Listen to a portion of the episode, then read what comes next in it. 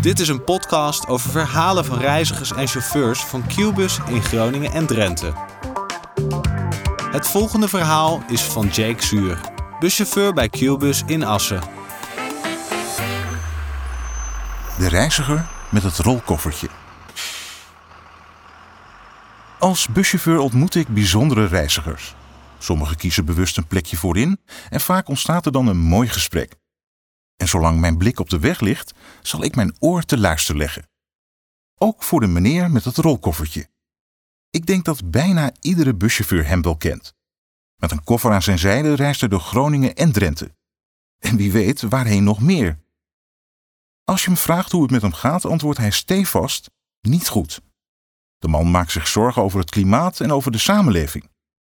Nostalgisch verlangt hij terug naar zijn kindertijd, want vroeger was alles veel beter. Op een dag bracht hij ons gesprek op een gecompliceerd onderwerp. Hij vroeg: Ben je gelovig? Hoewel ik ervan overtuigd ben dat er meer is tussen hemel en aarde, maar ik niet precies weet wat, leek het me verstandig om niet mee te gaan in een gesprek over dit soort zaken.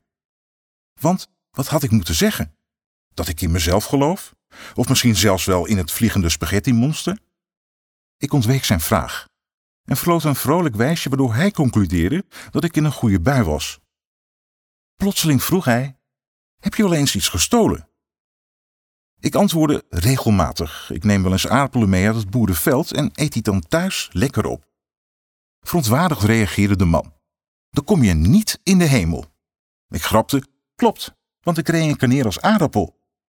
Het was een van de zeldzame momenten waarop ik de man zag lachen. Schaterlachen zelfs. Hij antwoordde gevat: Nou, dan eet ik je op.